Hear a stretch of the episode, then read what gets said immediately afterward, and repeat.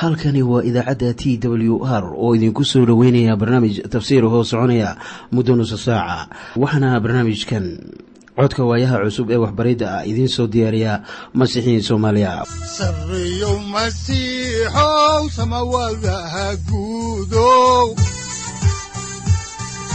Siraadkii adduunkow subanaha eebow sareyow masiixow samawadaha guudow siraadkii adduunkow subanaha eebow adigoo samada jiro ifkan soo saldhiganba adigoo samada jiro ifkan soo saldhiganba kutubtiisanaye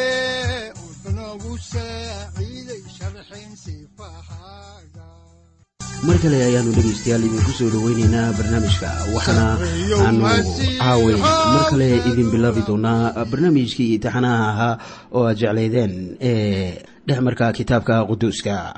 Waxaannu horay idinku sii wadi doonaa cutubka soddonaad oo mawduucyadiisuna ay kala yihiin dhismaha meesha allabariga ee fooxa iyo maacuunta kale ee taambuugga iyo in dadka la tiro koobo oo qof walibana uu wax u bixiyo hadba inta sanadoodu ay tahay. Si loo soo furto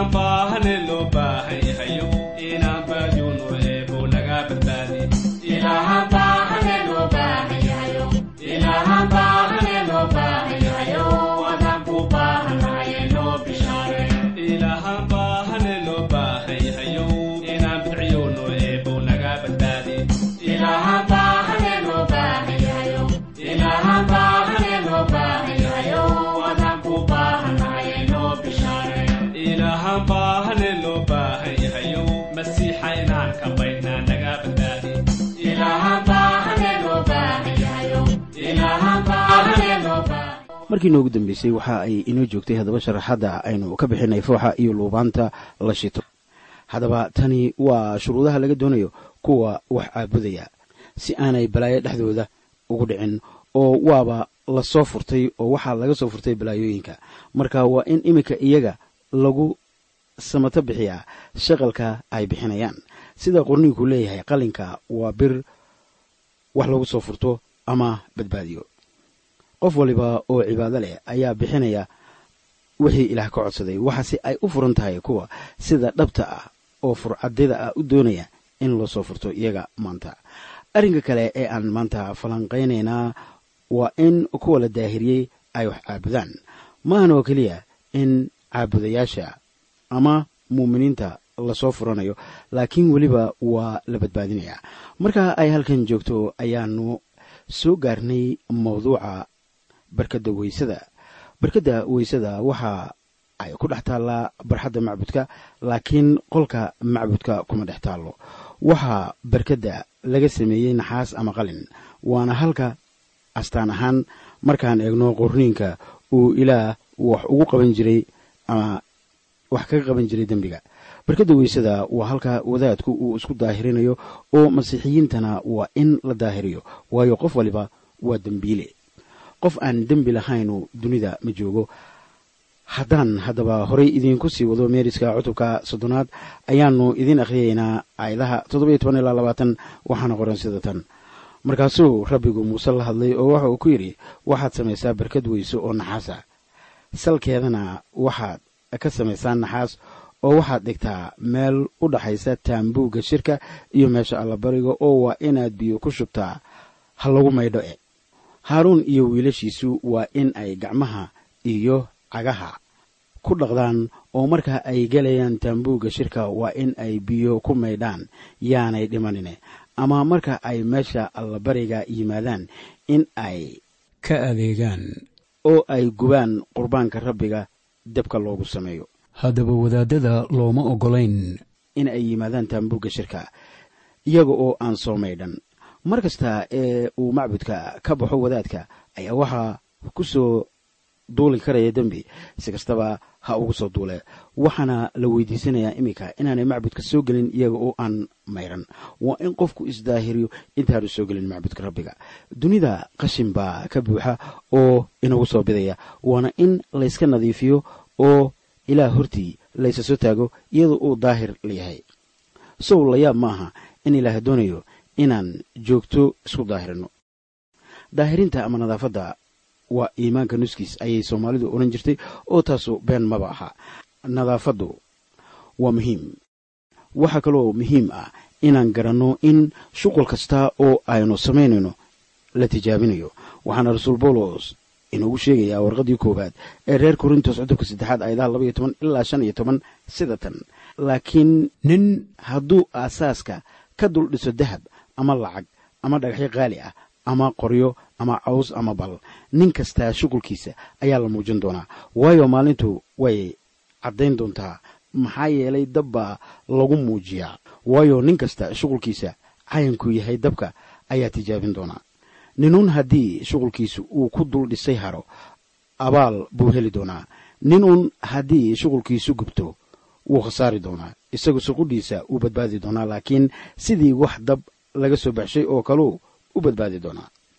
Haddaba marka la leeyahay shuqulkiisa weyn ayaa taasu ay ka macno tahay in ilaa hortii shuqulka aynu qabannaa aanu macno ka lahayn. Waxaase macnada leh ee laynaga doonayo waxa weeye inaan daahir ka ahaano dembi.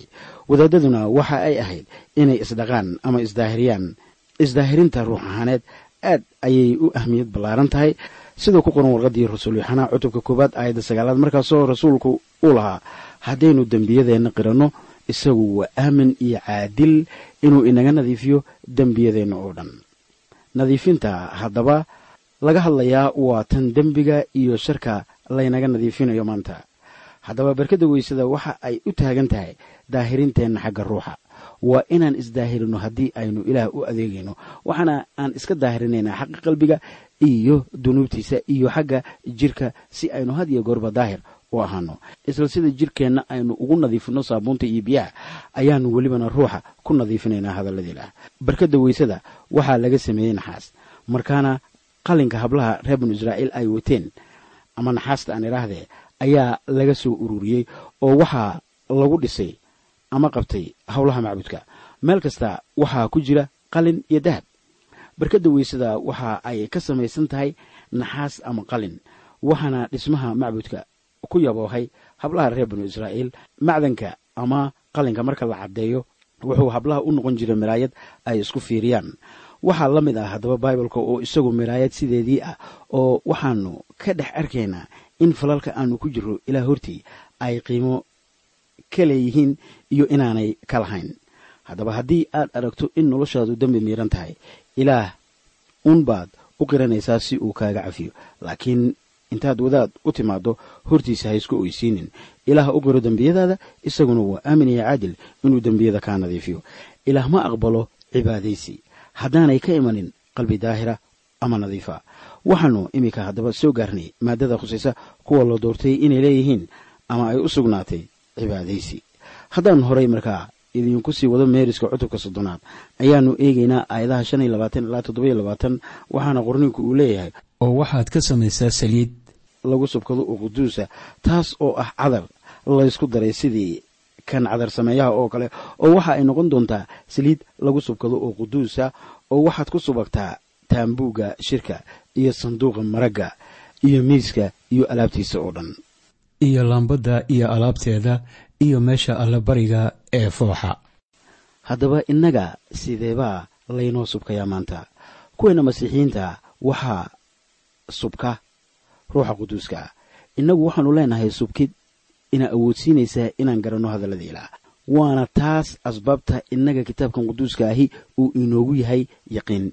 Haddii kitaabku kugu adag yahay inaad fahamto ilaah weydiiso oo waxaad ku tidhaahdaa ilaahu maanka iyo maskaxda. Ii fur inaan garto kitaabkan.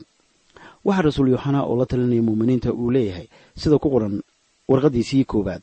Cutubka labaad aayadda labaatanaad. Wuxuuna leeyahay laakiin idinku waxaad leedihiin subkid ka timid kan quduuska ah oo wax waliba waa taqaaniin maxaa la yidhi? Laakiin idinku waxaad leedihiin subkid ka timid kan quduuska ah oo wax waliba waa taqaaniin mar kale ayaa rasuul yooxanaa waxa uu leeyahay sida ku qoran warqaddiisii koowaad cutubka labaad aayadda toddoba iyo labaatanaad oo leh subkidda aad ka hesheen isaga way idinku sii jiraan oo uma baahnidin in cidina wax idin barto. Laakiin sida subkiddiisu wax waliba idin barto oo ay run u tahay beenna aanay u ahayn waa inaad siday wax idiin bartay ugu sii jirtaan.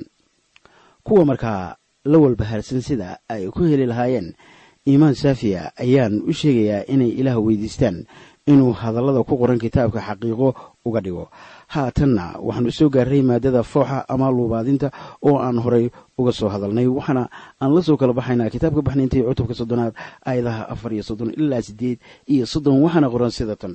Markaasaa rabbigu waxa uu muuse ku yidhi waxaad qaadataa uunsi udgoon oo ah stagte iyo onike iyo galbanuum iyaga oo ah uunsi ay ku jiraan beeyo saafiya oo miisaankooduna ha isla wada ekaado oo waxa aad ka samaysaa foox kaas oo loo sameeyey sida cadar sameeyuhu u sameeyo oo kale oo cusbo lagu daray oo saafi ah oo quduusna ah.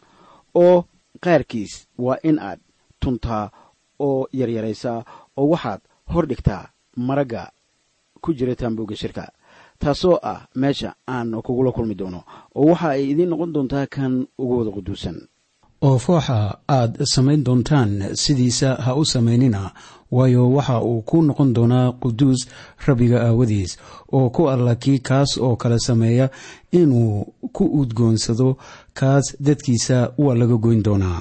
Hadda ayaan arkaynaa oo laynoo sheegay aayaddan afar iyo soddonaad sida loo samaynayo beeyada intaan macbudka lagu shidin iyo alaabta lagu darayo. Istagte waa geed ka baxa buurta galicaad oo sida xabagtii ayaa loo soo gooyaa. Onikana waa sida galka kalluunka oo kale wuxuuna u egyahay argosato galbanuunkana waxaa laga soo gooyaa dhir ka baxda suuriya. Intaas ayaa lagu qasayaa beeyo markii haddaba intaa laysku daro ayaa waxaa soo baxaya uunsi aad u udeeg badan oo aan isaga oo kale la arag. Laakiin hadda dadka waa laga mamnuucay inay cadarka ilaah meeshiisa quduuska ah lagu shidayo oo kale ay ku uunsadaan. Inkastoo maanta foormalihii ama iskuqaskii uu lumay.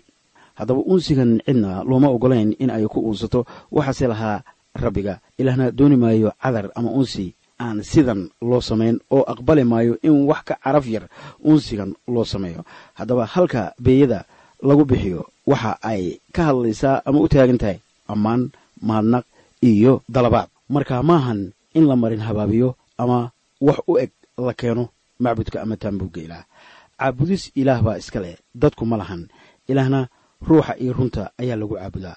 Haddaba micne yeelan mayso taatika waliba ee aad u isticmaasho in aad soo gaarto dadka haddaadan isticmaalaynin hadallada ilaah. Haddii aad doonayso inaad dadka ka wiciso dooyada xunxun u adeegso hadallada ilaah oo wax waliba ee aad barayso ha ku salaysnaadeen hadalkiisa. Halka fooxa lagu bixiyo waxa ay ka hadlaysaa samada iyo quduusnimada. Meesha qurbaanka lagu gubana waxay ka hadlaysaa masiixa wixii uu aniga iyo adigaba inoogu sameeyey dunida. Waxay ka hadlaysaa salaadaada iyo tayda masiixu waa kan dhab ahaan ilaah u ammaana innaguna noo duceeyaa waana kan sida dhabta ah ilaah u caabuda oo waa dhexdhexaadyaheena haddaba dembiga waxa keliya oo wax looga qaban karayaa marka ilaah la caabudo. Innagana ilaah hortii waa laynagu aqbalaa markaan masiixa ku dhex jirno. Waxaana taa ugu wacan waxa weeye in isagu uu si buuxda dembiyadeenna uu nafsaddiisa u bixiyey.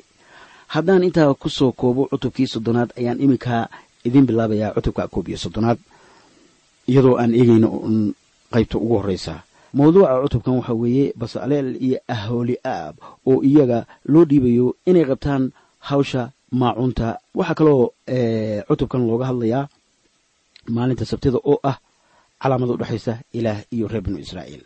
Haddaan markaa horey idiinku sii wadno ayaan ku bilaabaynaa ama u horumarinaynaa basaleel iyo ahooli aab shuqulkooda. Cutubkan waxa uu u muuqdaa in laga soo gudbay hawshii macbudka laakiin weli hawsha macbudka ayaanu ku jirnaa. Waayo raggii samayn lahaa alaabtii macbudka ayaa iminka la doortay. Waxaanan soo gaarnay meel u dhaxaysa markii sharciga la buuxiyey iyo sida loo samaynayo ama tusmada taambuugga. Reer binu israa'iil wakhti dheer ayaa ay joogeen buursinay cutubkan waxa uu inoo sheegayaa raggii xirfadda lahaa kuwaasoo ilaah aqoon iyo hindiso wanaagsan uu ku shubay si ay ku sameeyaan qalabyadii iyo maacuuntii kala duwaneyd ee taambuugga ilaah waxaana jiray kuwo ay dhib badnayd weliba in la sameeyo. Haddaan markaa halkan ka sii wadno kitaabka ayaanu iminka la soo kala baxaynaa cutubka koob iyo soddonaad aayadaha hal ilaa lix waxaana qoran sidatan markaasaa rabbigu muuse la hadlay waxa uu ku yidhi baleeg magac baan ugu yeeray basaleel ina uuri oo ah ina xuur qabiilkiisuna yahay yahuuda. Waxaanan isaga ka buuxiyey ruuxa quduuska ee ilaah xagga xigmadda iyo waxgarashada iyo aqoonta iyo sancada cayn kasta. Ah inuu shuqullo yaab leh hindiso oo uu ka shaqeeyo dahabka iyo lacagta iyo naxaasta iyo inuu qoro dhagaxyada saldhigyo lagu dhejiyo oo uu looxyada xardho iyo inuu ka shaqeeyo sanco cayn kasta oo bal eeg waxaan isaga la doortay ahooli aab oo ah ina axiisaanaag oo qabiilkiisuna yahay daan oo inta xigmadda leh oo dhan waxa aan qalbigooda geliyey xigmad. In ay sameeyaan wixii aan kugu amray oo dhan. Raggaas iyo caawiyaashooda waxaa la siiyey hadiyad khaasa oo ay ku sameeyaan alaabada macbudka iyo meesha allabariga iyo wax kasta ee la dhigayo macbudka ama taambuugga ilaah. Waa ilaaha israa'iile haddaba basaleel ninka la yidhaahdo iyo welibana axyiisaamaa qudhiisa ayaa xirfad ahaan waxa ay ahaayeen rag waxardha ama farsamo yaqaana ah. Waxaa haddaba urur waliba jooga rag ku wanaagsan hadalka iyo kuwo ku wanaagsan howlaha adeega. Nin waliba waa in uu raalli ku noqdo halka ilaa hadiyadiisa dhigay. Haddii aad tahay nin ku wanaagsan hadalka oo aqoonna u leh mawduucyada hadalka iyo maaddada aad ka hadlayso way wanaagsan tahay in aad tagto halka ilaa hibada uu kugu siiyey oo aad xirfad weynna u leedahay. Waa sida nin heesaa ah iyo nin doonaya in uu heesaa noqdo. Haddaba heesaa ma noqon kartid haddii aadan hibadeeda iyo hindisaheeda lahayn waxaa la mid ah haddaba hawsha adeega. Waxa aad samaysaa wixii aad ku wanaagsan tahay. Rag waxaa jira haddaba ku wanaagsan hoggaanka iyo siyaasadda iyo rag ku wanaagsan wax soo saarka iyo dhaqaalaha. Haddii haddaba la helo dad soomaali ah oo is-aaminsan oo ka kala yimi qabaa'ilada kala duwan ee soomaalida oo nin waliba loo doorto meesha uu ku horeeyo waa khasab haddaba in dadka soomaalida ahi ay horumar ka samaynayaan siyaasadda. Waxaa horumar looga samayn karin iminka siyaasadda waxa weeye in ay jiraan kuwo aan hibo u lahayn inay wax hogaamiyaan oo doonaya inay siyaasadda hogaamiyaan iyo kuwo doonaya inay dhaqaalaha maamulaan iyaga oo aan weliba hibadeeda lahayn. Warku waxa uu ku jiran yahay haddaba in qof waliba ilaah ugu adeego hadiyadda uu haysto. Ha ahaato tan wacdiska ama tan hawsha sida basaleel iyo raggiisa ilaah qof waliba halka uu mudan yahay wuu siiyey oo waxa uu qofka miro dhalin karaa markii uu garto halka uu ku habboon yahay. Dad baa jira jecel in ay dadka ka dhex adeegaan oo khidmeeyaan. Wax kasta ee lagu yidhaahdo way u adkaystaan waayo waxa ay ogyihiin in halkaa ay tahay meesha ay hadiyaddana u leeyihiin oo welibana ku qanacsan yihiin. Soomaaliduna horey waxa ay u tiri nin habar dhashay hal masiigi waayo qof waliba hal meel ayaa uu hadiyad ku leeyahay ama uu ku sarreeyaa taasoo ka dhigan in ilaa qof waliba siiyey hibo uu dadka kale ama ragga kale dheer yahay. Way ahmiyad ballaaran tahay in marka hore laysla eego in mashaariicda qaar la isla wadi karo. Intaa aan shaqada la bilaabin waxaa la eegayaa in dadku ay isku fikir iyo isku ujeedo iyo isku mowqif yihiin. Waxaa kaloo la eegayaa inay kala duwan yihiin oo ay kala leeyihiin hibooyin kala gaara. Tan aad maanka ku haysanaysaanna waxa weeye haddii nin darawalnimada ku fiican yahay in nin kalena samaynta gawaarida uu ku fiican yahay. Haddii nin furista motoorka uu ku fiican yahay nin kalena waxa uu ku wanaagsan yahay waayarinka ama fiilooyinka. Marka waa in qof waliba ee u shaqaynaya masiixa uu ogaado wixii uu ku fiican yahay si habsami u socodka hawsha ilaa loo hayo ay u sii socoto.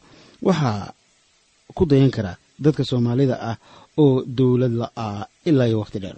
Waa in qof waliba ee aqoonteeda leh uu hogaamiyo dalka qofkaasina waa in uu noqdaa mid ilaah ka cabsada lehna aqoon dheer garanayana isbeddelka wakhtiga iyo iskaashiga uunka. Iyada oo aan lalahayn kanaa sidaasa iyo kaasaa sidaasa. Marka ayaa waxaa soo bixi karta dowlad caafimaad qabta oo dadka hogaamin karta. Soomaali badan waxa ay magangelyo ka heleen dholol badan oo masiixiyiintu ay degan yihiin. Soomaaliduna waa inay masiixiyiinta soo dhoweyso meel kastoo ay joogaan. Dadkuna wixii ay aaminsan yihiin ay ku adkaystaan. Habeen dambe ayaan cutubkan horay idinku sii wadi doonaa. Haatanse aynu wada dhegeysanno qasaa'id ay noogu luuqayaan culamo soomaaliya oo masiixiyiina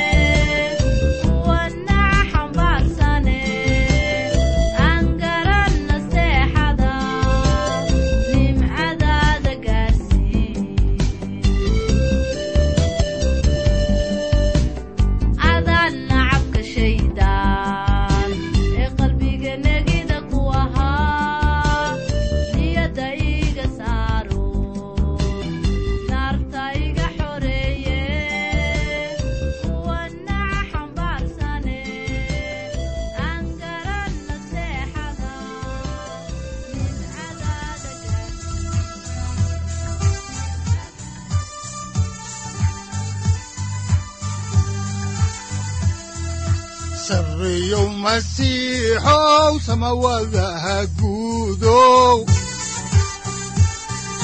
siraadkii adduunkow subanaha eebow.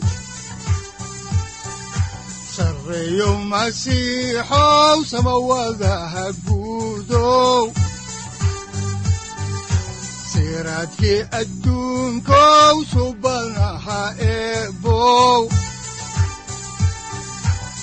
adigoo samada jiro ifkan soo saldhiganba adigoo samada jiro ifkan soo saldhiganba kutubtiisanaye unow masiixow samawadaha guudow siraadkii adduunkow subanaha eebow adigoo samada jiro ifkan soo saldhiganba adigoo samada jiro ifkan soo saldhiganba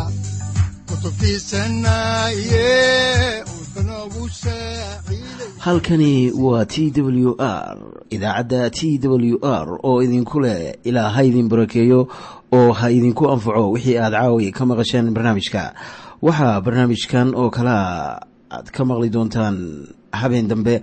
Hadahan oo kale haddiise aad doonaysaan in aad fikirkiina ka dhiibataan wixii aad caawi maqasheen ayaad nagala soo xiriiri kartaan som t w r at t w r c o k e haddii aad doonaysaan in aad dejiisataan oo kaydsataan barnaamijka ama aad mar kale dhegaysataan fadlan mar kale booqo www t w r o r g amase waxaad teleefoonkaaga ku kaydsataa ama ku download garaysataa agabyada ku sahli karaa dhegeysiga t w r haddii aad doonayso in laga kaalmeeyo dhinacyada fahamka kitaabka amase aad u baahan tahay duco fadlan fariimahaaga soo mari bogga aaraahda ama kommentska inana jawaab degdeg ah ayaanu ku soo diri doonaa amase ku siin doonaaye